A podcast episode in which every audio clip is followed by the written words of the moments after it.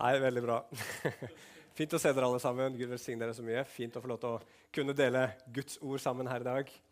Eh, spesielt velkommen til dere som er nye her for første gang. Veldig bra.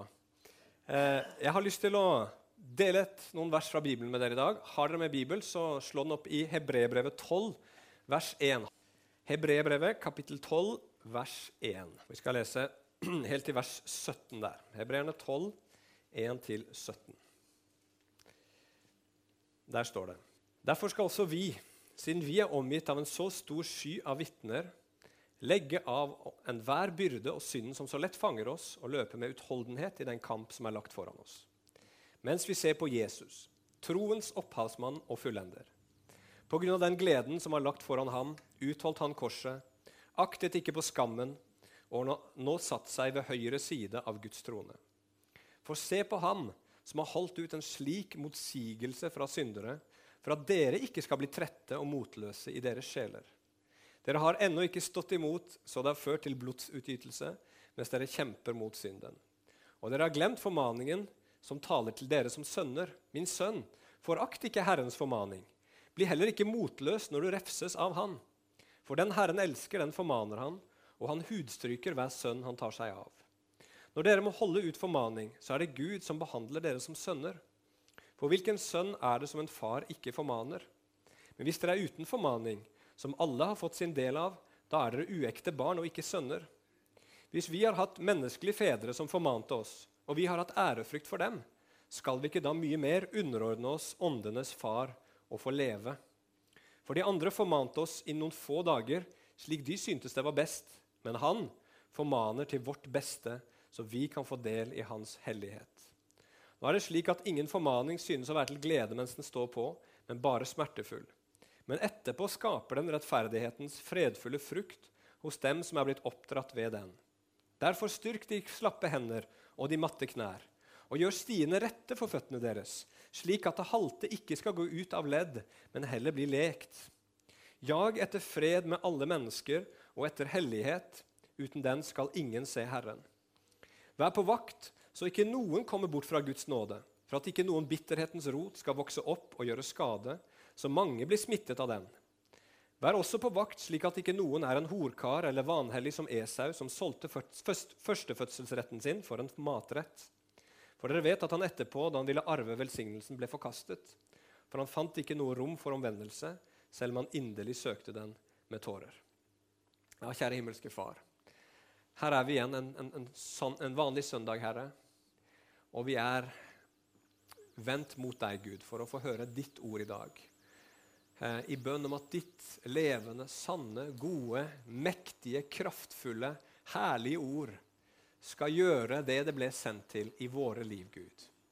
Herre, vi er jord som trenger såkorn, som trenger å bli pløyd, som trenger å bli vanna, Herre, slik at vi kan bære den frukt som du har kalt oss til, og satt oss til å bære, Herre. Så Derfor så ber vi nå, Herre, om at du skal hjelpe oss alle som er en. Hjelp enhver av oss å ha et vakkert og godt hjerte i dag, som tar imot mot ditt ord, Herre, og som lar det få slippe inn og, og, og lyse opp, Herre, vårt indre. Og hjelp meg, Herre, nå som jeg stiller meg fram for å formidle det. Herre, la meg få visdom. La meg få kraft.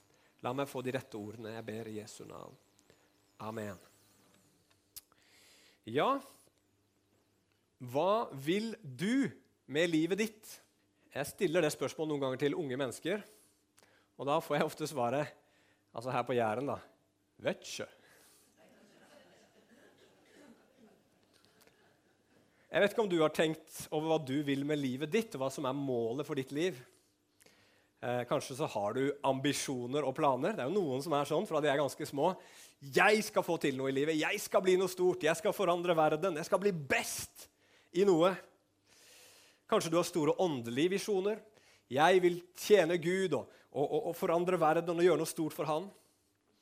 Eller kanskje du er litt mer beskjeden, sånn som folk flest er.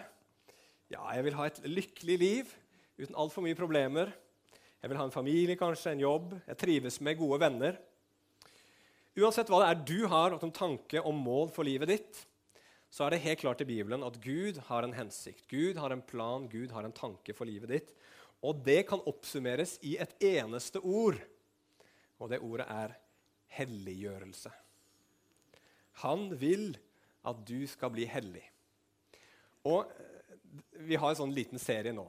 'Glemt igjen', kaller jeg den.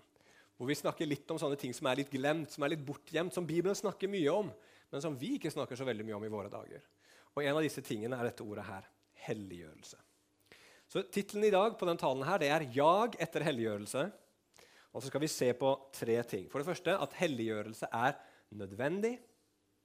For det andre at helliggjørelse er kamp, smerte og innsats. Amen. Og helliggjørelse, punkt nummer tre, skjer i Kristus og bare i Han. Ok, La oss begynne med det første punktet. Helliggjørelse er nødvendig.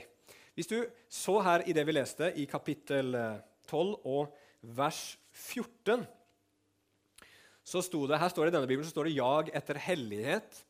Eh, eller først står det 'jag etter fred med alle mennesker' og 'etter hellighet'. I en del bibler står det også 'helliggjørelse'. Eh, jeg tror den riktige oversettelsen her er ordet 'helliggjørelse'.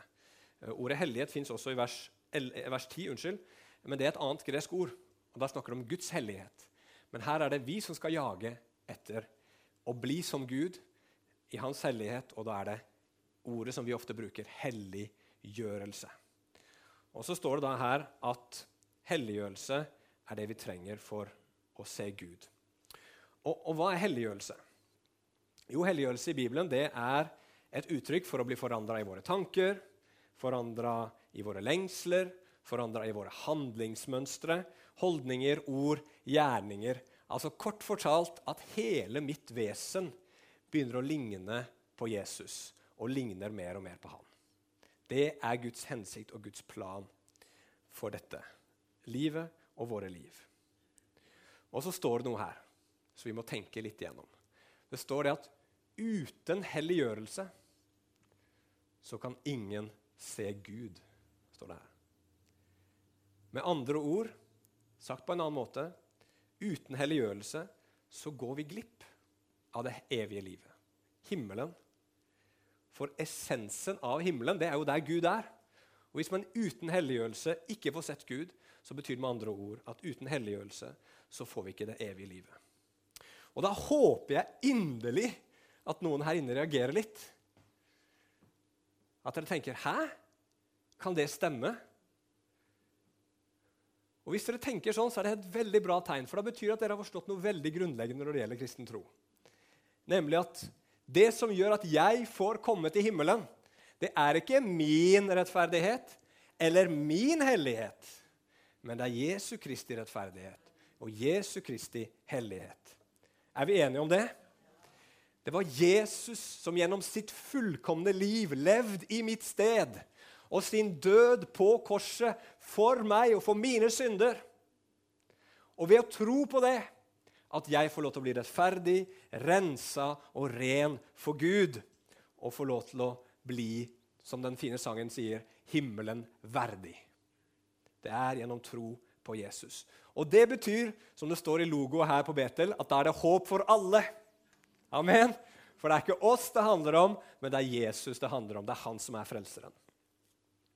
Men så er da spørsmålet hvordan da kan det ha seg at Bibelen her sier at uten helliggjørelse så skal ingen se Gud? Uten at jeg blir forandra, så kan jeg ikke få det evige livet. Hva mener Bibelen med det? Slår det i hjel det som vi nettopp sa, eller er det noe som belyser det og komplementerer det? Vel, det er jo selvsagt det sistnevnte.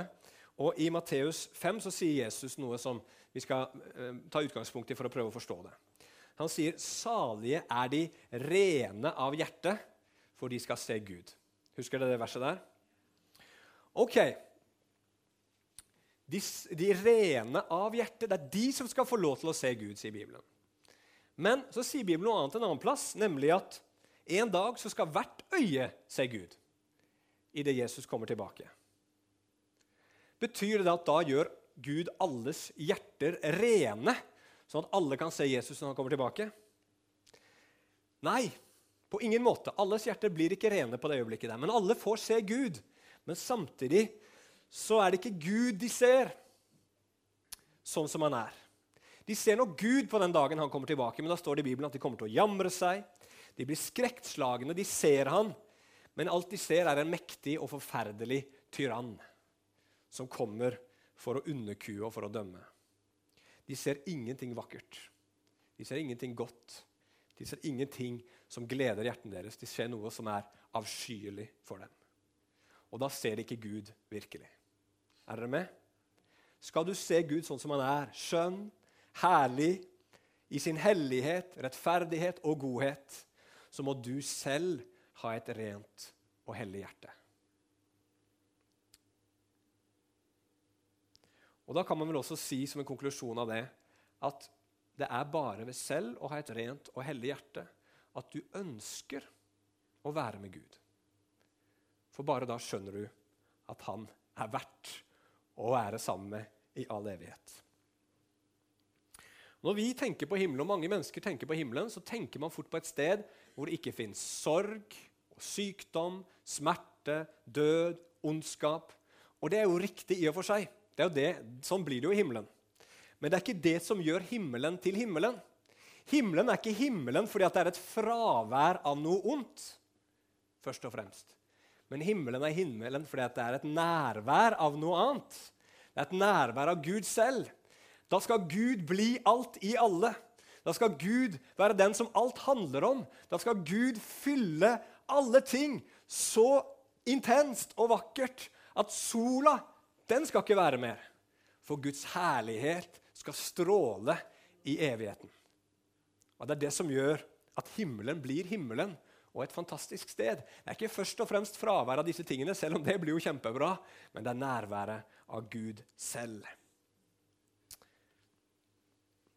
Og da kanskje vi begynner å se litt nærmere hva dette her handler om. Fordi at den dagen evighetens dag er kommet, og mennesker står foran denne døra inn til himmelen, så er det ikke bare et spørsmål om døra er åpen, men det er spørsmål om man vil inn dit. Det er ikke bare spørsmål om man har fått inngangsbilletten. Det er spørsmål man ønsker å være der hvor billetten fører. La meg komme et lite eksempel. Forestill deg at du fikk en billett til en konsert med et death metal-band.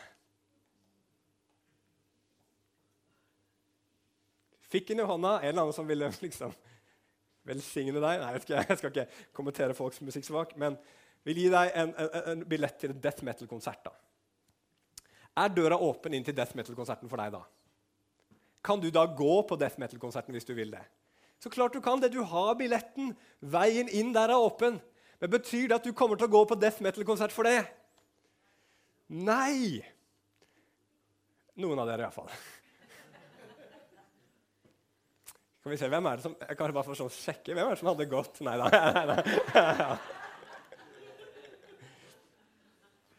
Men, men, dere skjønner kanskje poenget mitt. Spørsmålet er ikke bare om man har adgang, men om man har lyst til å være der. Og det er ikke alle som har lyst til å være på en death metal-konsert pga. musikksmak og en del andre ting. Men sånn er det med Gud også. Sånn er det med himmelen også. Gjennom Jesus Kristus så er veien åpen for alle mennesker som vil ta imot og tro og ta imot den rettferdigheten som gjør at man får adgang til himmelen. Men det må ikke bare skje noe objektivt. Det er ikke bare at sånn at min synd må bli sletta ut, og det som på en måte stenger og, og, og, og, hindrer meg å få retten og muligheten til å gå Det er ikke bare det som må skje for at jeg skal få nyte en evighet sammen med Gud i himmelen. Mitt hjerte må også bli forandra.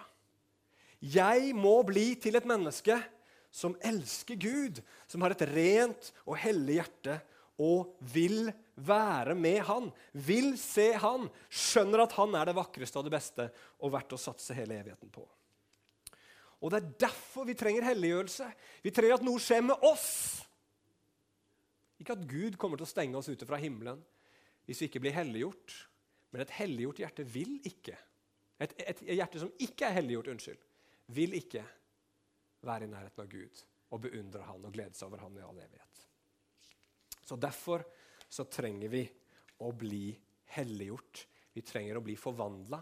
Vi trenger å gå gjennom den prosessen at våre hjerter blir slik som Gud vil og skapte oss til å være.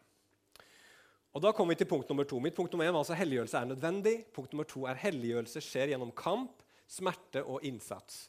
Og Det er jo det punktet sikkert ingen kommer til å notere noen ting på. Hvordan bli et bedre menneske? Hvordan, hvordan blir du et bedre menneske?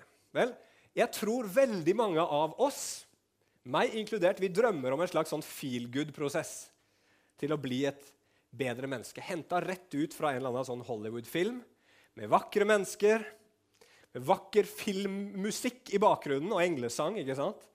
Hvor du bare kjenner en masse kjærlighet fra Gud som bare fyller på og bobler over. Og hvor vi opplever at når vi liksom lever i denne kjærlighetsstrømmen hver eneste dag, så bare ser vi liksom blomster poppe opp langs veien mens vi går. og Mennesker er takknemlige og setter pris på den innsatsen som du gjør, og, og dine gode intensjoner og, og det, du, det, du, legger ut og, og gir og bidrar med. Og så holder vi ut sånn ca. 1 12 time, sånn som en Hollywood-film varer. I tålmodig kjærlighet og i oppmuntring, og så blir man belønna gjennom mirakler og suksess. Sånn skulle vi gjerne ønske at helliggjørelsesprosessen var. skulle vi ikke det? Åh, liksom bare Det føles godt hele veien. Åh, bare fylle på, det bobler. Oh, nydelig! Solskinn. Men dere har kanskje merka, noen av dere òg, at eh, livet ikke helt er sånn. Livets realiteter er litt annerledes. Noen ganger så føler du null kjærlighet som en kristen. Eh, og folk rundt deg er ikke spesielt vakre på forskjellige måter. Eh, og om det er noe godt i dem, så er det godt skjult noen ganger. Og det går sjelden inflasjon i takknemlighet. Det har vi merka. I tillegg, når du lever det livet her nede, så blir du noen ganger forvirra. Du blir usikker. Du blir bekymra, du blir redd for at den innsatsen du legger ned, kanskje skal være fullstendig betydningsløs og ikke gjøre noe forskjell. Noen ganger så opplever du ikke resultater av det som du gjør, og det som du gir. Kanskje så sliter du med sykdom, med helsa di. Noen ganger er bare ikke dagsformen på topp. Og hvor liksom englene og den der filmmusikken den blir av, det vet ikke jeg. Du kan jo sette på litt sånn der lovsangsmusikk og ha det på ørene innimellom. Eh, men liksom den der bakgrunnsmusikken som er der og bare forsikrer deg at du er helten oppi dette hele. Det kommer til å gå bra til slutt. ikke sant? Du vet hvordan det er I de triste periodene i filmen så spiller det alltid litt sånn musikk i, i bakgrunnen som gir deg en sånn liten følelse at det er noe håp som er på vei, som er på gang. Men sånn er det ikke i virkeligheten. Og det er der i virkeligheten at helliggjørelsen skjer. Der skjer det.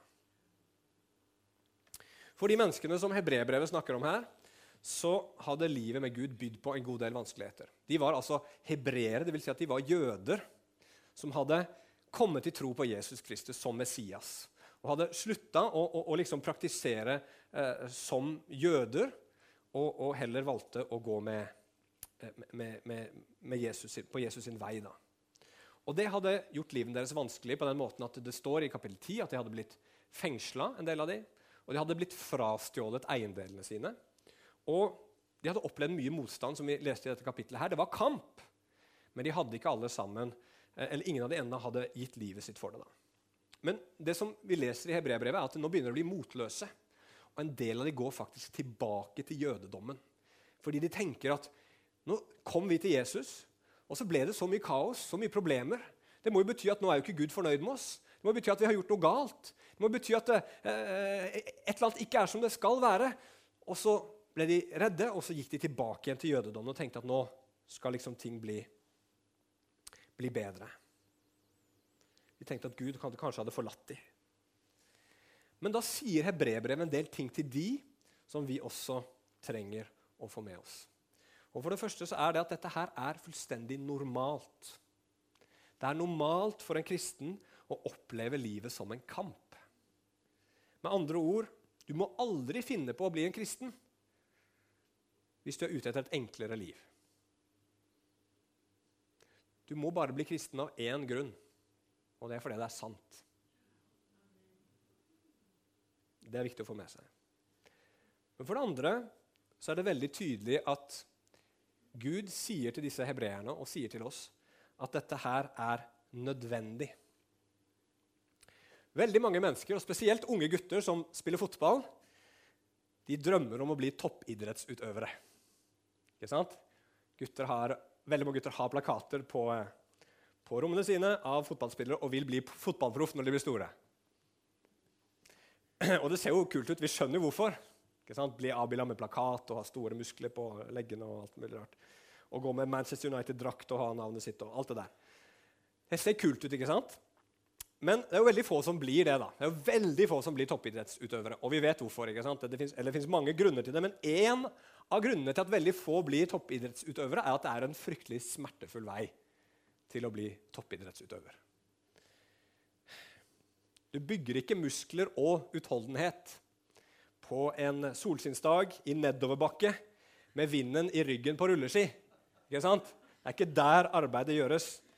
Det er når du presser på, og kroppen skriker 'nei', 'nå klarer jeg ikke mer', 'nå vil jeg ikke mer'. Det er når man mentalt bare har lyst til å gi opp, ikke orker å ta en, et steg til, eller hva det holder, hva man holder på med. Og alt liksom bare ser ut til å gå imot en. Det er der framgangen skjer for toppidrettsutøvere. Og det er faktisk på en lignende måte med helliggjørelsen også. Du lærer ikke å elske mennesker når mennesker elsker deg. Du lærer å elske mennesker når de ikke gjør det.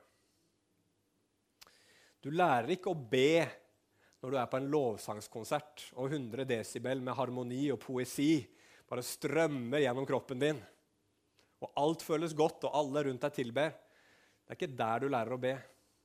Du lærer å be på mandags morgen når uh, du ikke har noen følelser som helst. Du lærer ikke å tilbe Gud rett etter en fantastisk tale hvor du bare har fått se Guds storhet, herlighet og majestet i Den hellige ånd. Du lærer å tilbe Gud noen dager senere når du blir frista. Og noe annet se, som du vet er galt, ser veldig veldig, veldig fristende og lovende og vakkert ut. Det er da du lærer å tilbe Gud. Derfor er livet til en kristen vanskelig. Jeg vet ikke om dere blir så veldig oppmuntra her i dag, men jeg prøver bare å fortelle dere hva, hva virkeligheten er. Og så sier til og med hebreerbrevet at Gud står bak. Fordi han vil oppdra deg. Fordi han vil gi deg del i sin hellighet og fred og rettferd. Han vil gjøre et verk på dypet av deg som menneske, og det skjer bare når det blir vanskelig og smertefullt. Det betyr ikke at Gud står bak det onde i verden, men det betyr at han tillater det.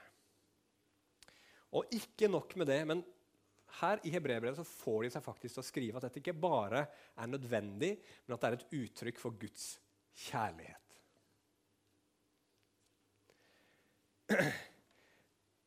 Det at du opplever vanskeligheter, Gud tillater vanskeligheter i livet ditt, sier, sier Bibelen er et uttrykk for hans kjærlighet til deg.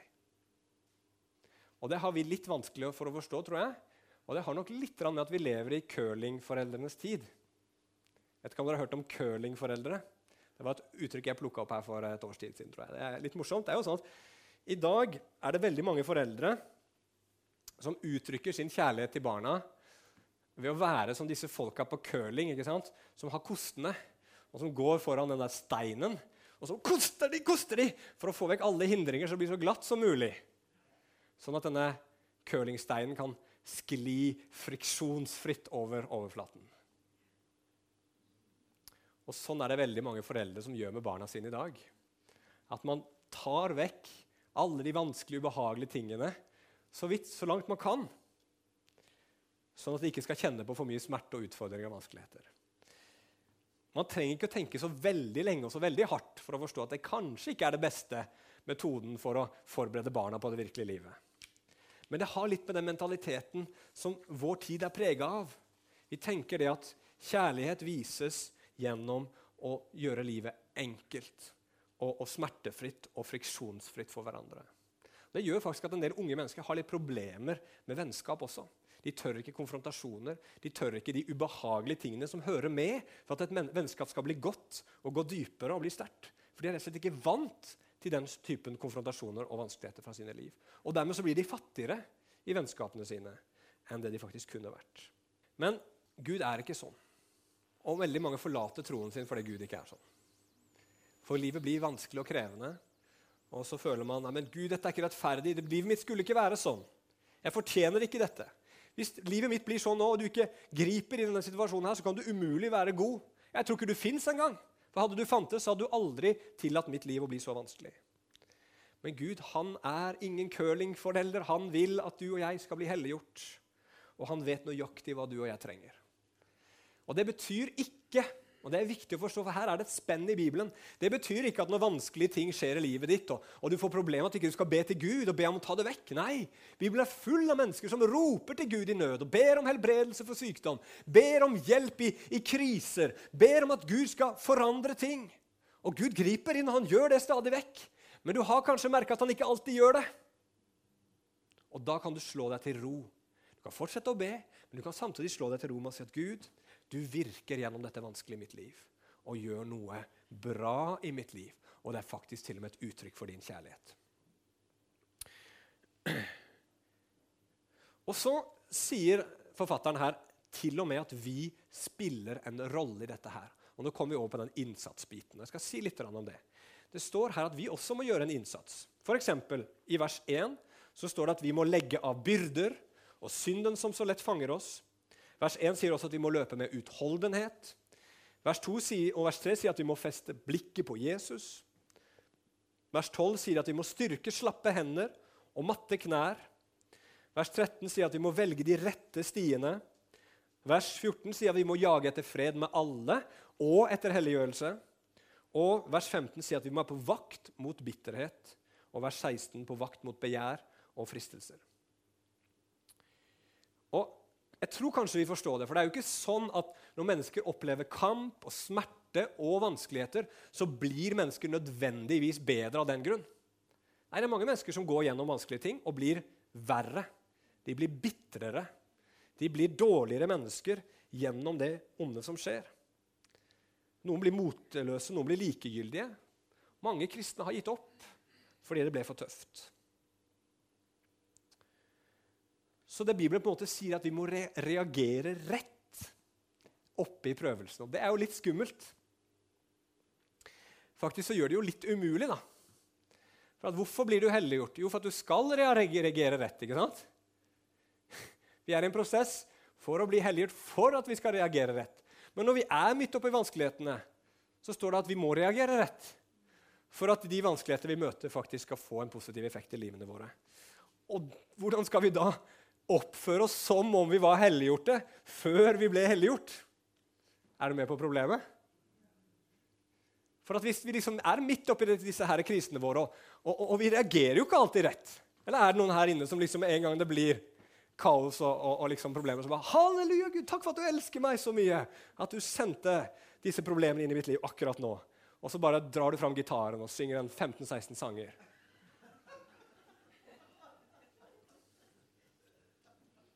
Kanskje ikke. Vet dere hva? Vet du hva jeg tror svaret er for noe?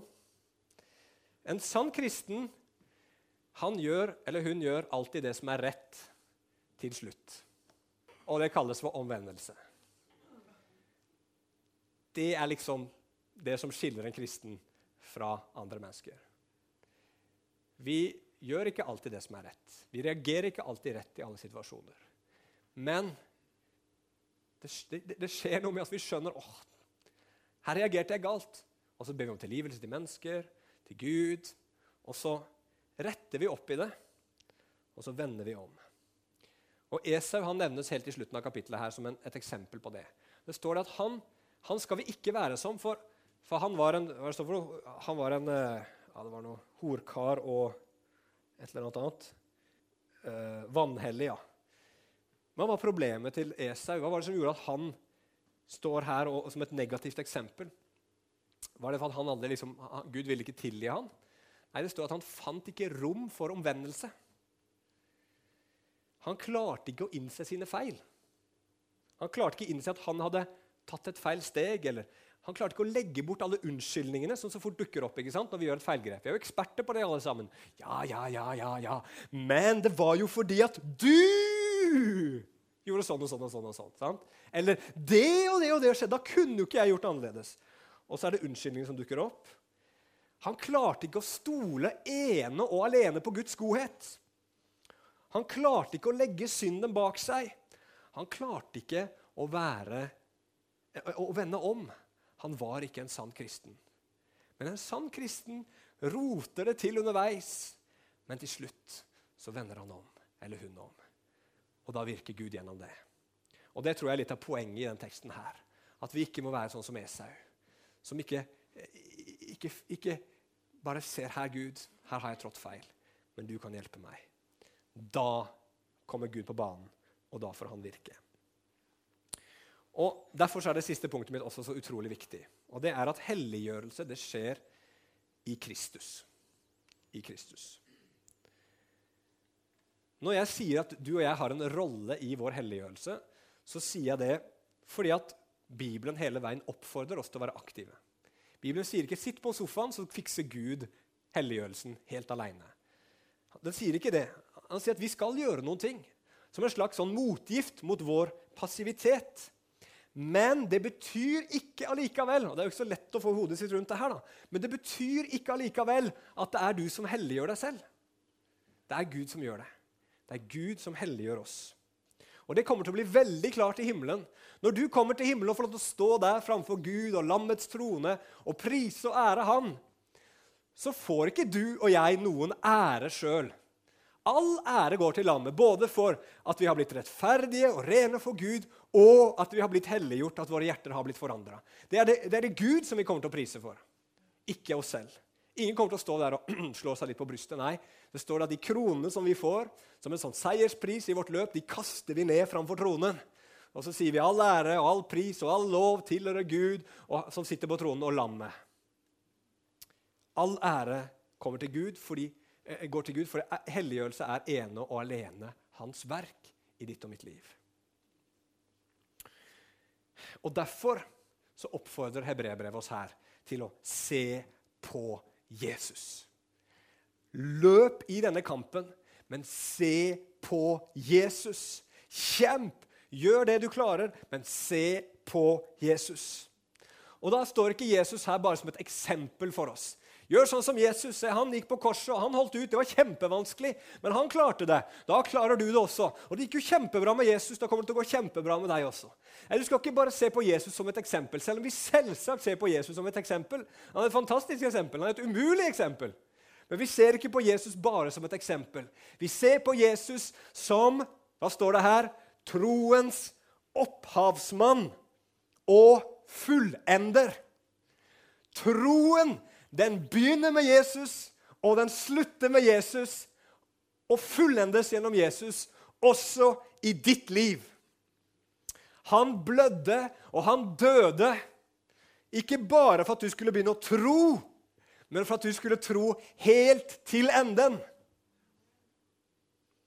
For at du skulle få del i en evighet med Gud.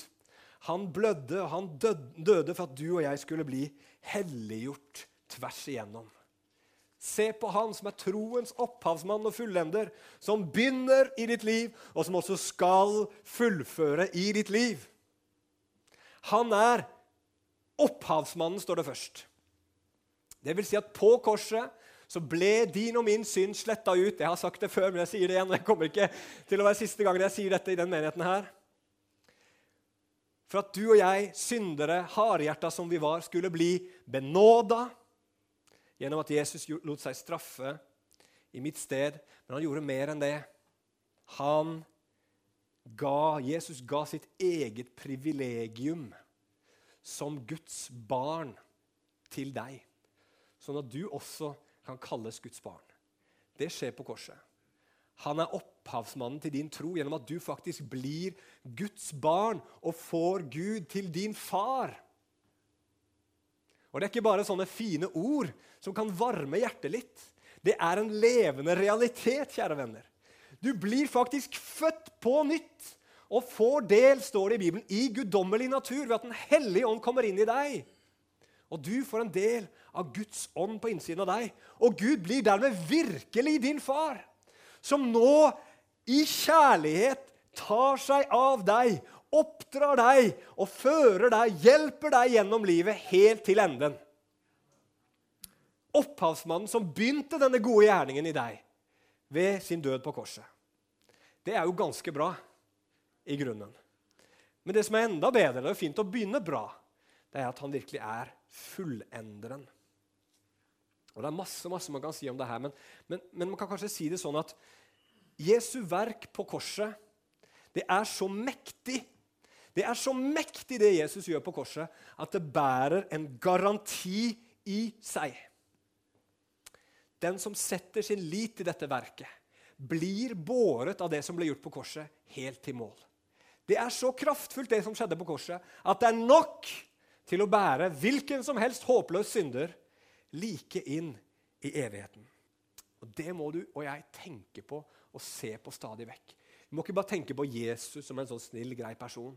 Vi må tenke på Jesus på korset, som troens opphavsmann og fullender. Vi må se på han, ikke med de fysiske øynene våre, men med hjertets øyne igjen og igjen og igjen. For når du og jeg ser på korset, når du ser på Jesus død og korsfesta, så ser du der helliggjørelsens mål på korset. Det som var målet med at vi skal bli helliggjort, det ser du på korset. Nemlig det målet at vi skal se Guds hellighet og Guds rettferdighet som noe vakkert i seg selv. Og se synd som noe stygt og avskyelig som vi vil ha ut av våre liv. Når du ser på Jesus på korset, så ser du at Gud er vakker. Han er skjønn. Han er vidunderlig. Men når du også ser Jesus på korset, så ser du at synd er noe avskyelig. For når Gud åpenbares i Bibelen som en fortærende ild, hvordan kan jeg elske han da og lengte etter å være sammen med han i all evighet? Altså Det står i Bibelen Gud er en fortærende ild. Ja, han vil jeg være sammen med! Hvordan er det mulig? Jo, du ser det på korset. Du ser det på korset, for den fortærende ilden ramma Jesus, og ikke deg og ikke meg. Og da, da blir denne helligheten, denne renheten, denne rettferdigheten hos Gud gjennom hans kjærlighet noe som er så vakkert at jeg bare må nærmere. Jeg må lære han mer å kjenne. Han må bare prege livet mitt mer. Og så ser vi synden på korset som noe stygt og mørkt. Den viser meg syndens sanne ansikt. Jeg vet ikke, Er noen av dere som har sett den siste Askeladden-filmen? en som har sett den? Ok, jeg noterer det. For det var ikke en spesielt bra film, og en kristne burde egentlig ikke sett den. Nei da. Nei, men Det er en scene der som er litt i overmål sensuell, synes jeg, men, men, den illustrerer veldig godt poenget. Så ikke se den, bare hør den fra meg. Askeladden møter nemlig noen huldrer. Og de er jo kjempevakre og kjempeflotte. ikke sant? Og så drar de med han inn i slottet sitt, og, og liksom de, de, danser rundt han og varter opp rundt han. Alt ser så nydelig og skjønt og vakkert ut. Men så er det et eller annet som skjer der som gjør at han plutselig klarer å se gjennom denne hulderillusjonen. Så ser han at det eplet han skal liksom spise, som så så flott og, og friskt ut, bare var et råttent, møllspist, mygg, muggent eple. ikke sant? Og så ser han disse huldrene sånn som de er, som noen forferdelig grusomme vesener. Men vet du hva? synden er akkurat sånn. Mennesker i denne verden jager etter synd hele verden for at det ser så vidunderlig ut. Det ser så skinnende og flott ut. Jeg må ha det. Jeg trenger dette i livet mitt. Jeg fortjener det. Men som alle som har prøvd det, vet, så er det et eller annet under overflaten som ikke er godt. Synd fører alltid med seg ødeleggelse og mørke og smerte og problemer. Men vi trenger å se det før vi går i fella. Og det ser vi på korset. Når vi ser på korset ofte og lenge, stadig vekk, så ser vi synden for hva den virkelig er. Det er noe råttent, det er noe mørkt, og det er noe demonisk over den. Og den lover så masse, men den gir oss ingenting. Og det er en del av helliggjørelsen. At ikke synden lenger skal dra på hjertet mitt, men at jeg skal heller bli dratt mot Gud selv. Og så er det så fantastisk å se på Jesus på korset. Det skal jeg avslutte med nå. Som troens opphavsmann og fullender. Å jage etter helliggjørelse. Fordi at når du ser på Jesus som troens opphavsmann og fullender, i din, ditt, ditt, ditt, ditt liv hvor du søker å bli helliggjort, så er det jo fort gjort noen ganger at det ikke går så veldig bra i den helliggjørelsesprosessen din. Jeg vet ikke om det er noen som har opplevd det andre enn meg. Men når du ser på Jesus på korset, så trenger du ikke å bli så fryktelig nedfor av det. OK, jeg feila. Jeg vender om, og jeg prøver igjen. For det er tross alt han som er min rettferdighet. Det er ikke meg sjøl. Og når det går bra, og du tenker å, denne uka her, det må være toppuka i hele mitt liv. Jeg har aldri vært så heldig som nå. Så slipper du å bli så fryktelig høy på bæra og tro så veldig godt om deg selv. Fordi at når du ser på Jesus, så skjønner du at det handler jo egentlig ikke om meg. Det handler om han. Og da kan vi få lov til å gå gjennom den helliggjørelsesprosessen og ikke være så veldig opptatt egentlig av vår egen hellighet. Hvor langt har jeg kommet på skala nå? Hvor helliggjort er jeg på en skala fra 0 til 10? Eh, er jeg mer helliggjort enn han? Er jeg mer helliggjort enn henne? Har jeg kommet mer i det, lenger i det kristne livet? Vet du hva? Jo mer du blir helliggjort, jo mindre tenker du på sånne ting. Verst er jo folk som går rundt og tror de er hellige. Det er jo forferdelige mennesker å gå sammen med. Men det du og jeg trenger, det er å se på Jesus. Og, og, og Jesus gikk ikke rundt og tenkte jeg er veldig hellig. Han var, var hellig, han. Og Sånn vil Jesus også at vi skal være. Og det skjer gjennom at vi ser på han, stadig vekk tenker på han, orienterer livet vårt rundt han. Da vil hellighet hele tiden bare være noe som skjer naturlig i våre liv. Noen, ganger så klart vi må, vi må kjempe og vi må arbeide. Men jo mer vi ser Jesus, jo mer vi blir opptatt av han, jo mer blir vi lik han. Og en dag står det, som jeg har nevnt før, men jeg må nevne det igjen, det står så bra i 1. Johannes 3, 3 at uh, vi skal se Jesus, og da skal vi bli lik han. Vi skal se han ansikt til ansikt, står det. Og da skal vi bli han lik. Og Det er bra. Du blir ikke helliggjort fullstendig tvers igjennom så lenge du er her nede. Bortsett fra oss pastorer, så klart, men det er jo Nei da, nei da, nei da. Langt derifra. Men vi blir helliggjort tvers igjennom den dagen hvor vi får se Jesus til ansikt til ansikt. til ansikt. Med våre fysiske øyne. Vi får møte han. Så skal vi bli hellige, like som han er hellig. Og det blir en god dag. Da blir det bare glede i all evighet etterpå det. Og det er noe å se fram til. Men allerede nå så søker vi det. Allerede nå så lengter vi etter det. Allerede nå så jager vi etter det. Amen. Kjære himmelske Far. Vi takker deg for din godhet og din nåde imot oss. Herre, vi er på vei, Herre. Vi får det ikke alltid til, og din nåde dekker over alle våre feilsteg, våre synder, våre mangler. Alt, Herre Jesus, som ikke er til ditt behag, Herre, har Jesu Kristi blod betalt for en gang for alle. Herre, vi takker deg for at nå kan vi gå til nattverd, Herre, og feire det sammen. Feire det at vår skyld er sletta ut, Herre. At evangeliet er sant, Herre. Det står nå ingenting mellom oss og deg, Herre. Men vi kan også få lov til å feire at på det korset, gjennom blodet, gjennom døden, gjennom oppstandelsen, så har jeg ikke bare fått tilgivelse for mine synder, men jeg har fått et nytt liv. Jeg har fått et nytt hjerte, jeg har fått et nytt mål, jeg har fått nye lengsler. Jeg har noe annet jeg vil jage etter og leve for nå, Herre, enn det som denne verden kan tilby. Og det, Herre Jesus, er det eneste som det er verdt å jage etter. Det er helliggjørelse. Det er å kjenne deg, kraften av din oppstandelse, samfunnet med dine lidelser, Herre. I Jesu Kristi navn. Herre, nå ber vi bare om at du skal røre ved oss her i nattverdenen. Velsigne